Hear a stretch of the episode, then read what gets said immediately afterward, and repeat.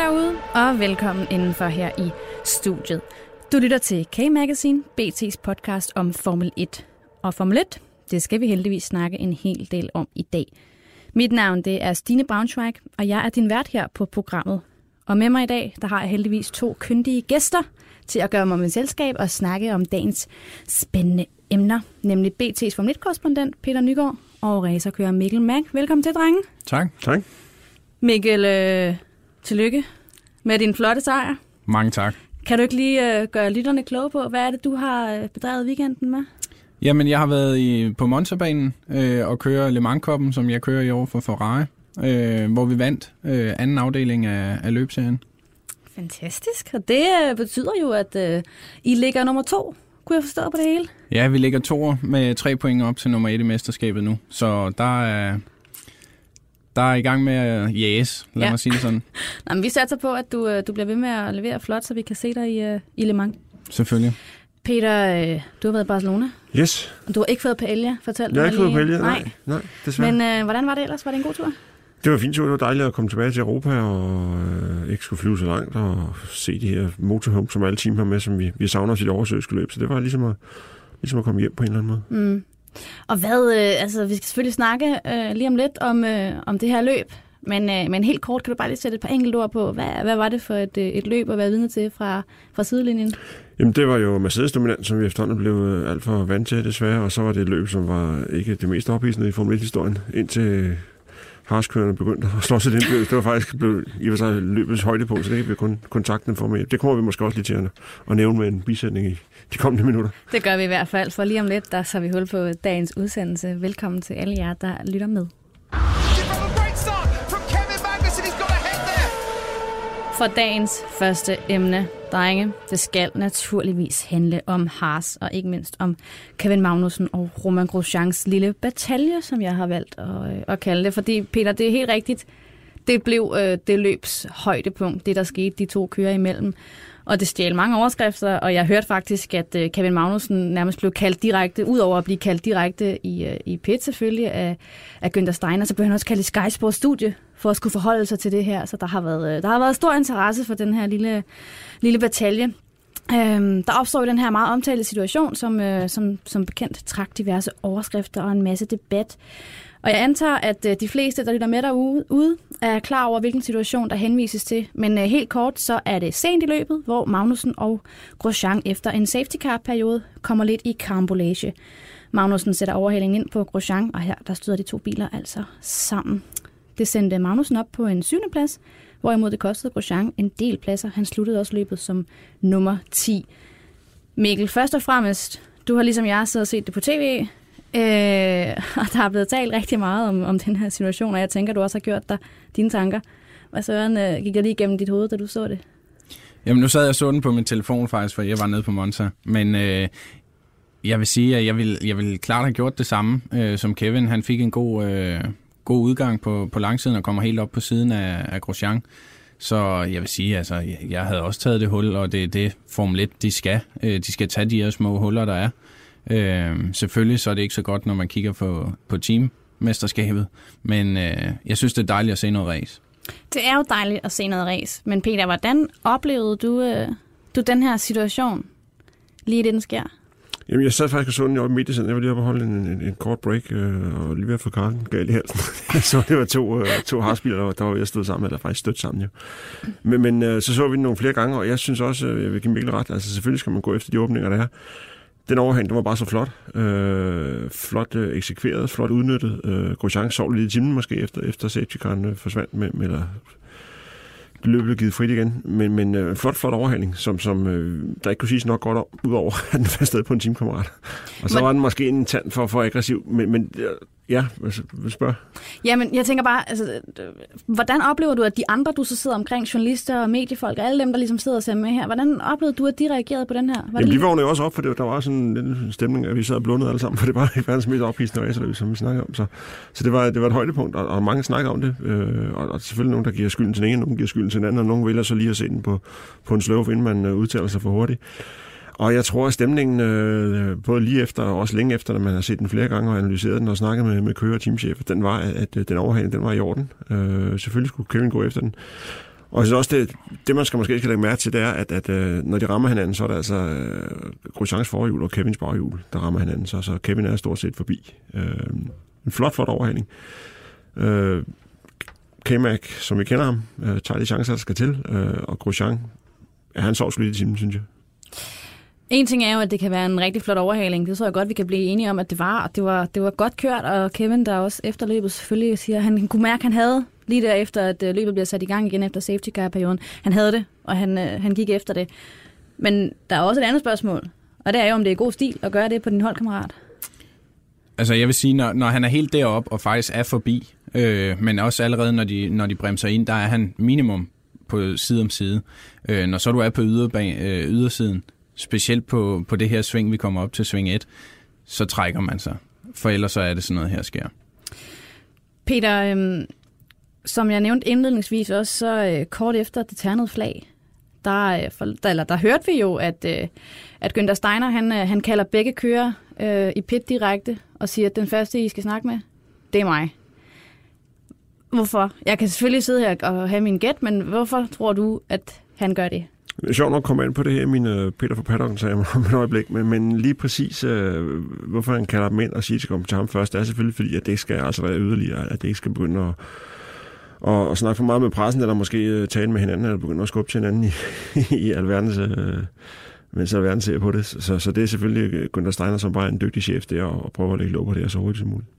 Men Mikkel, jeg hørte også, at øh, den radiomelding, der så kommer til, øh, til, til Romain Grosjean, øh, lige efter han har kørt over målstregen, der, der siger Steiner også, øh, jeg fikser det her, tag det roligt, tag det roligt. Hvordan ville du have det, hvis du var Romain Grosjean, og Kevin Magnussen, han var din holdkammerat og lavede den her på dig? Jamen, jeg tror, det ville irritere mig, at, at min teamkammerat gjorde noget, som, som faktisk, eller kørte bedre end mig, lige på, på det givende tidspunkt. Øh, men, men jeg tror også, Grosjean, hvis han kigger indad og ser det efterfølgende nu, øh, nogle dage efter, så tror jeg godt, han kan se, at jeg skulle måske bare lige have bremset lidt mere ned, og så gået ind bag Kevin og fulgt med ham.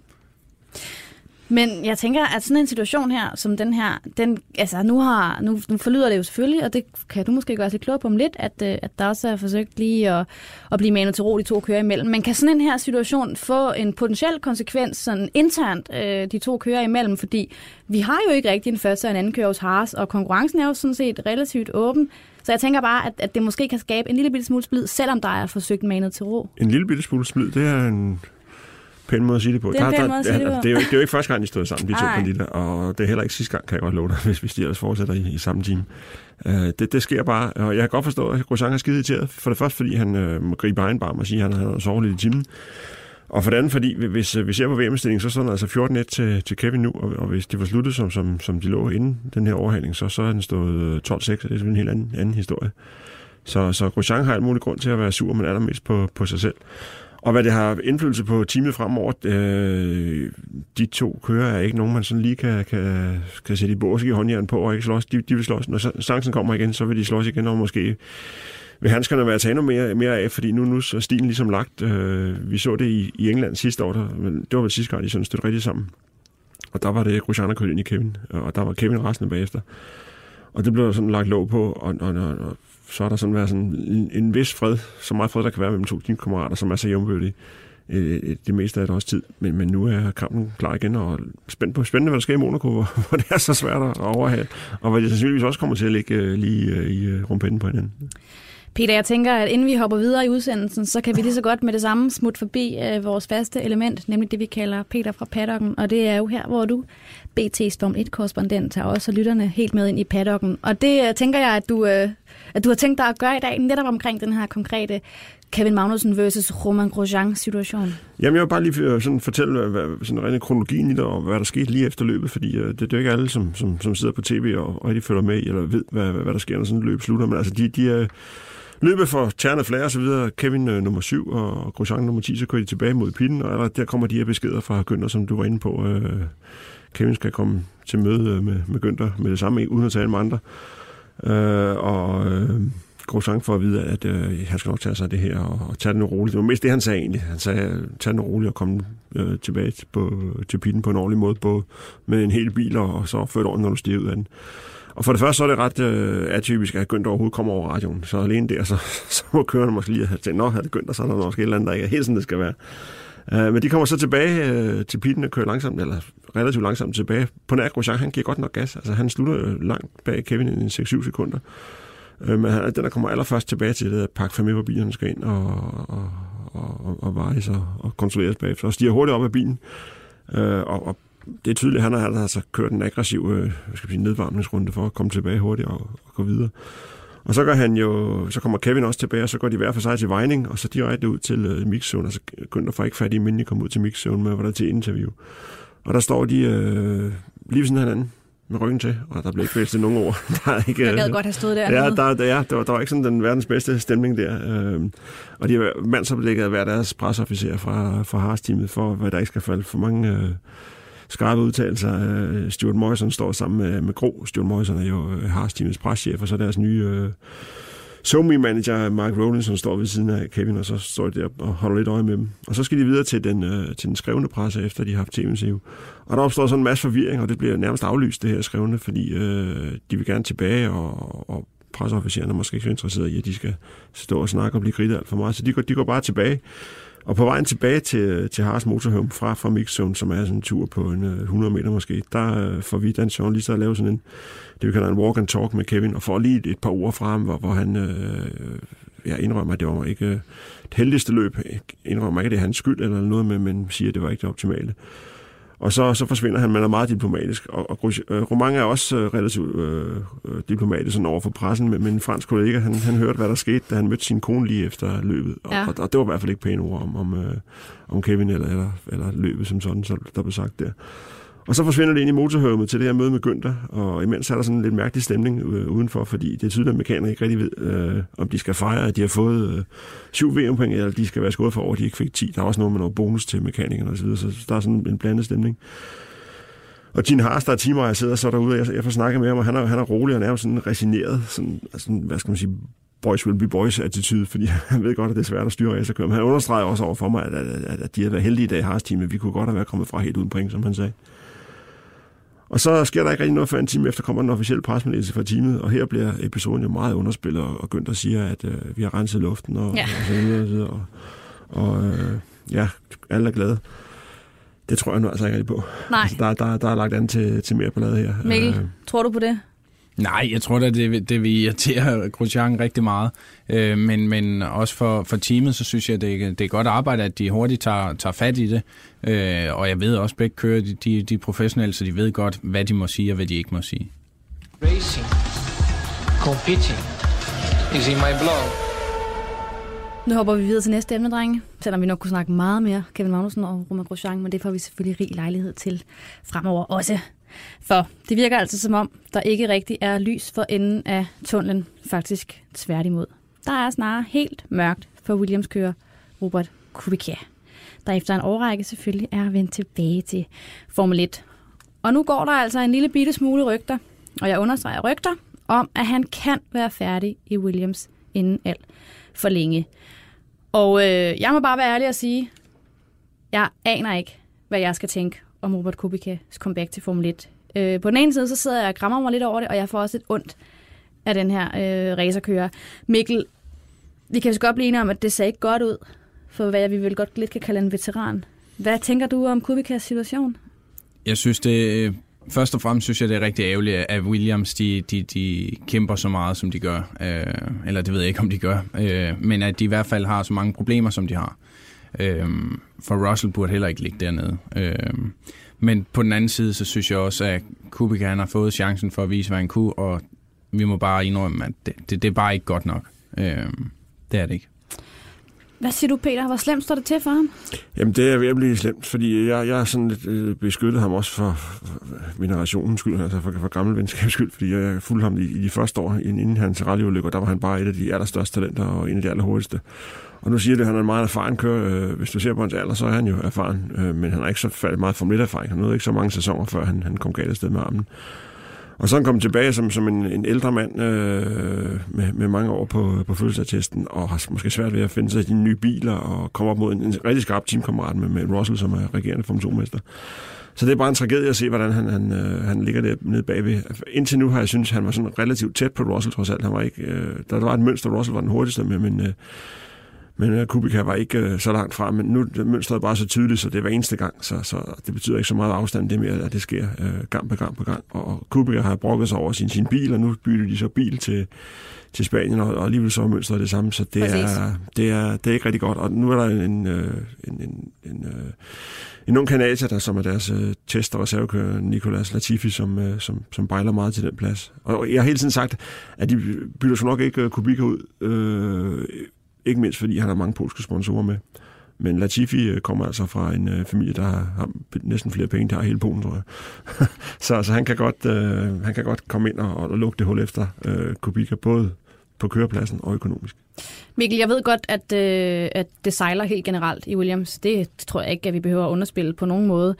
Og det er selvfølgelig altid nemt at sidde her og være, og være bagklog, men kan vi måske godt alligevel en lille smule i bagklogskabens lys selvfølgelig konkludere, måske var Kubica altså et fejlkast fra start?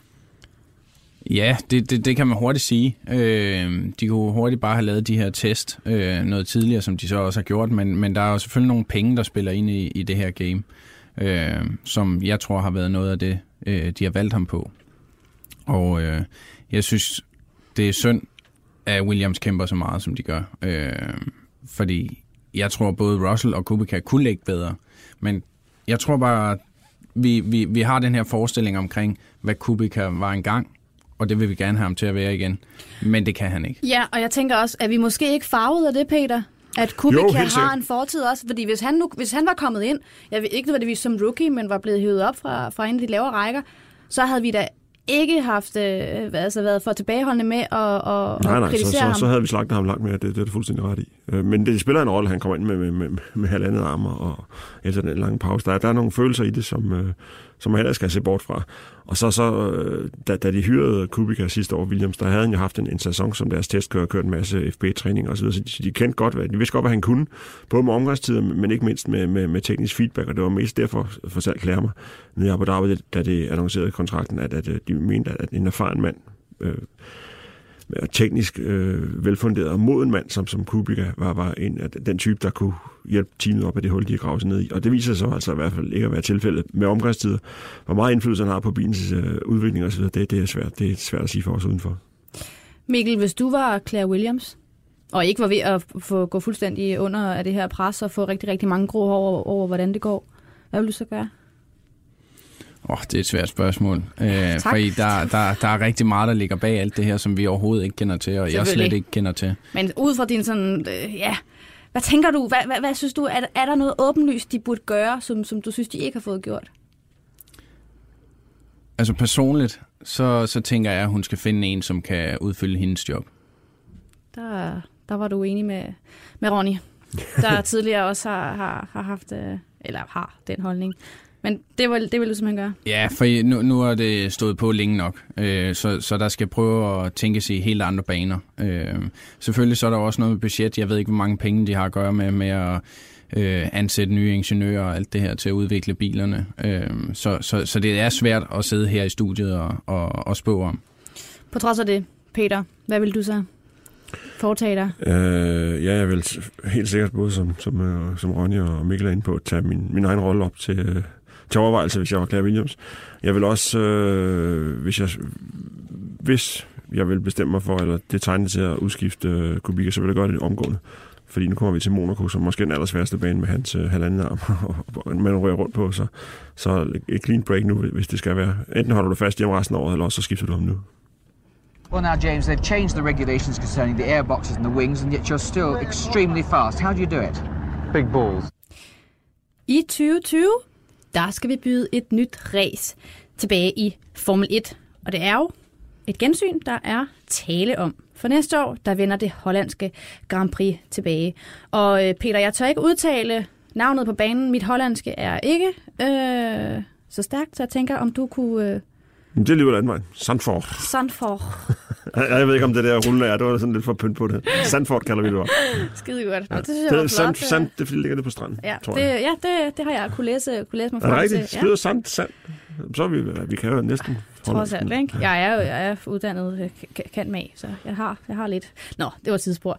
Mikkel, øhm, først og fremmest, øh, du er lige så gammel som mig, eller lige så ung nok snarere. Og derfor, der har du Jeg kan godt høre, hvad det er, og derfor, der har du selvfølgelig ikke set et Formel 1-løb blive kørt på den bane, eftersom sidste gang var i 1985. Glæder du dig? Jeg glæder mig rigtig meget. Jeg har set en Formel 1-opvisning på, på Sandford, og jeg har selv kørt på Sandford. Og set Bottas vinde i Formel 3 dernede, øh, hvor jeg selv kørte øh, i klassen under.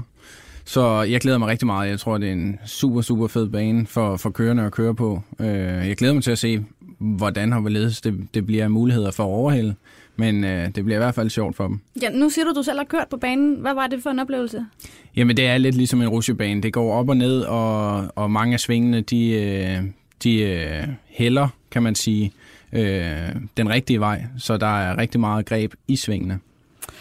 Peter, det var ikke for at, at hænge dig ud. Det var snarere, øh, jeg er misundelig på din erfaring øh, og det, al, al den viden, du har om, om Formel 1. Fordi du har jo trods alt oplevet det hollandske Grand Prix. Øh, kan du ikke måske lige tage os lidt tilbage øh, i tiden? Sådan sætte nogle ord på, hvad var det for et, et løb dengang? Hvad forbandt man ligesom med det hollandske Grand Prix? Jamen, det var et af de mest populære løb i kalenderen dengang. Øh, For det første, fordi banen er fantastisk. Øh, Der er det her en, altså en, en hurtig sving ind på en langside, lang langside, og så et øh, nærmest hårdnålsving, som, som til al overflod hedder Tarzan, for enden af langsiden. Det er jo en klassisk øh, opskrift på masser af gode overhalinger, så, så alene af den grund var det altid et underholdende løb dernede. Og så er det bare et godt sted at komme. Altså den her øh, badeby, øh, Sandford, øh, spændende by, øh, behagelige mennesker. Og så var det et, et, et, øh, et løb, hvor vi kunne bo i Amsterdam og bare tage toget til racerløbet på 22 minutter. Så, så der, der kunne næsten ikke sige nok godt om Sandford. Som også i, i den gang, det var i kalenderen, var, var skal man sige, de danske Formel 1-fans hjemmebane. Det den bane, der var tættest på, øh, eller i hvert fald den bane, der var langt mest populær blandt danske Formel 1-fans. Så der var mange danskere dernede allerede dengang. Hvad tænker du umiddelbart med, med, med det kendskab, du har til, til hvad, hvad for nogle typer at køre, Roman Grosjean og Kevin Magnussen, de er? Hvem ligger den her bane så egentlig bedst til umiddelbart? Har du et bud på det? Nej, det har jeg faktisk ikke. Øh, Jeg håber selvfølgelig, at- Kevin, ligesom alle vi andre danskere gør, øh, men, men jeg tror, at det, det, det er sgu svært at spå om øh, lige på stående fod. Er du enig i det, Peter? Ja, jeg snakker faktisk med Kevin om Sandford i, øh, i torsdags nede i Barcelona. Han glæder sig meget til at komme tilbage. Han siger, at det er en old school racerbane, og han er jo, en, uden at sige det selv, en virkelig en old school racerkører. så det er allerede der, det er en god kombi. Øh, det er en bane, hvor, hvor, øh, hvor køren kan gøre en forskel. Og en, en, en bane, der er svær at overhale på, så det kan Grosjean så glæde sig over. Øh, men jeg, jeg, jeg tror, det bliver en, en bane, der vil passe Kevin godt. En af de baner, som er som skal bygget til ham og hans, øh, hans tankesæt. Og vi kan jo selvfølgelig ikke undgå selvfølgelig lige at nævne, at øh, det her øh, hollandske løb er jo selvfølgelig kommet med. Øhm, og det var jo på tale, at Danmark skulle have haft et, øh, et Grand Prix. Øhm, og Peter, øh, kan du ikke lige øh, gøre mig en lille bitte smule klogere på, hvor meget har, har det her øh, hollandske Grand Prix sådan direkte erstattet det, der så skulle have været det, det danske? Altså har man... har for, man... for mig at se har det taget Danmarks plads i kalenderen, og nu siger du, der var, der var på tale, der skulle være Grand Prix i Danmark. Det var så langt fremme, så, så alt faktisk var på plads, indtil der pludselig skete nogle ting på Rådhuset, som, som man ikke kunne have forudset rent, rent politisk. Øhm, det løb var på plads. Øh, Det, det, altså, Liberty, som ejer Formel havde tre løb i, øh, i støbeskeen. Det var, øh, det var Miami, som, som har en lidt en mærkelig skæbne. Nu kører de måske uden for byen, øh, men ikke sådan lige forløbet. Og København og Vietnam. Øh, og Vietnam er på plads. Det var i Hanoi, ikke? Det er Hanoi, det bliver Hanoi næste år, næste forår sikkert. Og så, så kommer øh, de her problemer i København, og så sadler de om at køre til Sandford i stedet for, fordi de vil godt have et løb i Nordeuropa. Øh, men jeg er helt sikker på, at de vil hellere køre i, øh, i København, de vil køre på Sandford, fordi de vil gerne ind i byerne og, og så videre. Så, øh, så når vi sidder på Sandford næste år, så synes jeg, vi skal sende en tanke og sende en lille skål til, øh, til Helge Sander og kompagni, øh, for det kunne lige så godt have været i København, det her var sket. Men nu når vi ikke fik det til København, er det så ikke et meget fint alternativ, at det så kommer til Holland? Det synes jeg helt bestemt. Øh, og når man ser Formel 1, øh, så synes jeg, man ser rigtig mange Dannebrugsflag, og det synes jeg er rigtig fedt. Mm. Men man ser også rigtig mange mennesker i orange trøjer øh, for Max Verstappen. Så øh, jeg, jeg synes, det, det er fedt, øh, at det er nogle af de to lande, øh, de nu er gået efter. hvor meget, altså ikke fordi vi skal dvæle ved, ved, ved det, der ikke øh, kunne lade sig gøre selvfølgelig, men hvor meget ærger du dig over, at vi ikke har fået det til Danmark? Jeg synes, det er super ærgerligt. Øh, super ærgerligt for alle de motorsportsinteresserede, men også rigtig ærgerligt for, for hele byen. Hvad med dig, Peter? Du har også, jeg ved, det har været en, en, en sag, der har stået dit hjerte nær. Ja, altså på en skala fra 1 til 10, så er det en, en 12, for, så ærgerligt det er, fordi det var så, så tæt på, meget så langt frem, der var skabt så mange forbindelser, så meget goodwill hos Formel 1 i omkring København. Og, og øh, nu bliver det ikke København, men, men jeg håber da og, og, og tror på, at, at der er andre muligheder i Danmark og andre byer, der kan, der kan se lyset. Det er måske ikke så nemt at overbevise Formel 1-organisationer om, at vi skal til, til en anden by end lige København, når de stiger så blind på, på, på en lille havfru og Tivoli osv., men, men øh, jeg tror ikke, det bogstaveligt talt, det løber ikke køen nu.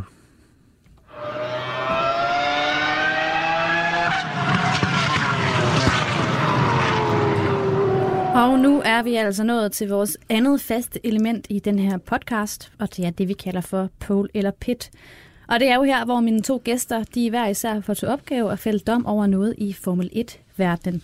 Og drenge, det er jo noget, jeg er begejstret for, og det er noget, I er trætte af. Og jeg spørger jer hver gang, og jeg spørger jer også i dag. Har I lavet lektier? Ja. Selvfølgelig.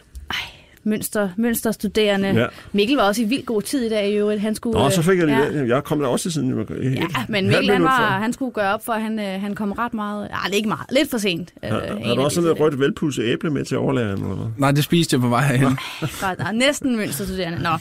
Mikkel, jeg tænker, vil du ikke uh, lægge ud med uh, en af dine, enten pole eller pit? Du bestemmer selv. Jamen, så starter jeg med Pit. Ja, tak. øh, og det var faktisk, hvis vi ser den her kvalifikationomgang øh, fra Bottas, så ser vi en perfekt omgang. Øh, rigtig hurtig.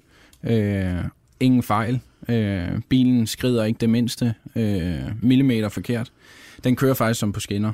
Øh, og det vil jeg faktisk pit, øh, at jeg synes, at bilerne nu, de er blevet så perfekte, eller noget den her grænse, hvor det er svært at få bilerne til at skride ud, og alt det her, hvor køren så laver øh, den store forskel. Så jeg savner det gode gammeldags, hvor de ligger lidt sidelands ud af, ud af svingene, øh, og hvis man kigger over til USA i IndyCar, øh, hvor de kommer ind for at skifte dæk til kolde dæk, hopper ud igen og skal ligge og køre lidt sidelands. Øh, jeg savner noget mere øh, race. Ja. Peter, kan du følge, kan du følge det her, Mikkel siger her? Det her med den mangel på menneskelig indblanding. Nej, jeg vil ikke sige, at de er mange på menneskelig indblanding. Det er måske bare de forkerte mennesker, der blander sig. Det er mere ingeniører. Det er også end en kørende. pæn måde at sige det på. Men, men øh, jeg, jeg giver dig Mikkel ret. Øh, Det hænger så også lidt sammen med, at, at det var lige Barcelona i, i weekenden, hvor, hvor de bare kender hver et, et, et, et kvadratcentimeter af asfalten, så, så bilerne er bare justeret optimalt til den bane. Det, det hænger lidt sammen med, med det. Har du ikke lyst til at fortsætte med din uh, pit? Jo, det er Toro Rossos øh, ja, teamet, og det er i hvert fald deres pitmandskab, som, som, øh, som festede en masse VM-point op ved at fuldstændig glemme de, re- de rigtige dæk klar og kalde dem i pit på forkert, i forkert rækkefølge.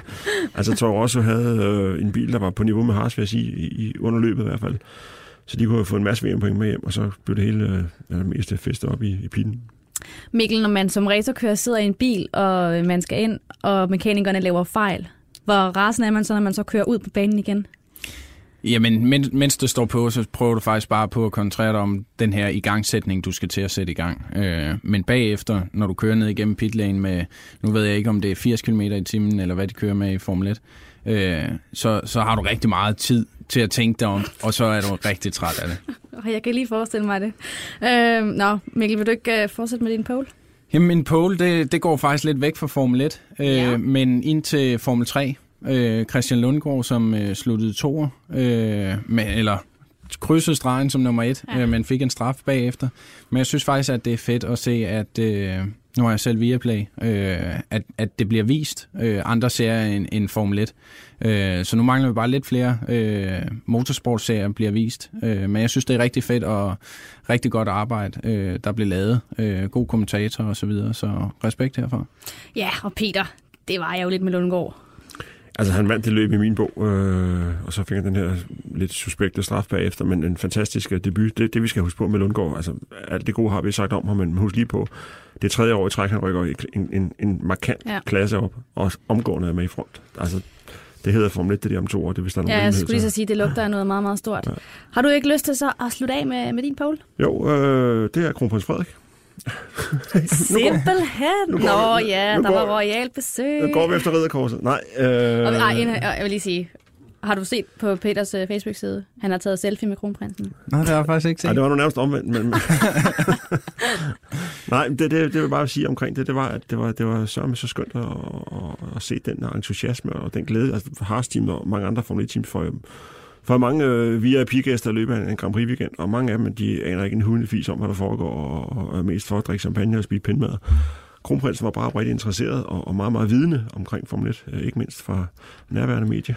Men det var helt tydeligt, at han synes, øh, at det, det var bare spændende. Så øh, fuld kredit til ham, øh, Royal Race. Og jeg, som troede, det var lillebroren, der var helt øh, bilfanatiker, der overrasker... Øh, Den gode familie. ja, det, de kan noget der. Og drenge, dermed så øh, på denne royale note, der er vi altså også ved vejs ende i denne udgave af K-Magazine. Husk, at du kan finde vores øh, podcast på BT.dk og i Radio 24-7's podcast-app, eller der, hvor du nu engang finder din podcast. Det er her, du selvfølgelig også finder vores andre spændende podcasts, både Transfervinduet og Bettingklubben.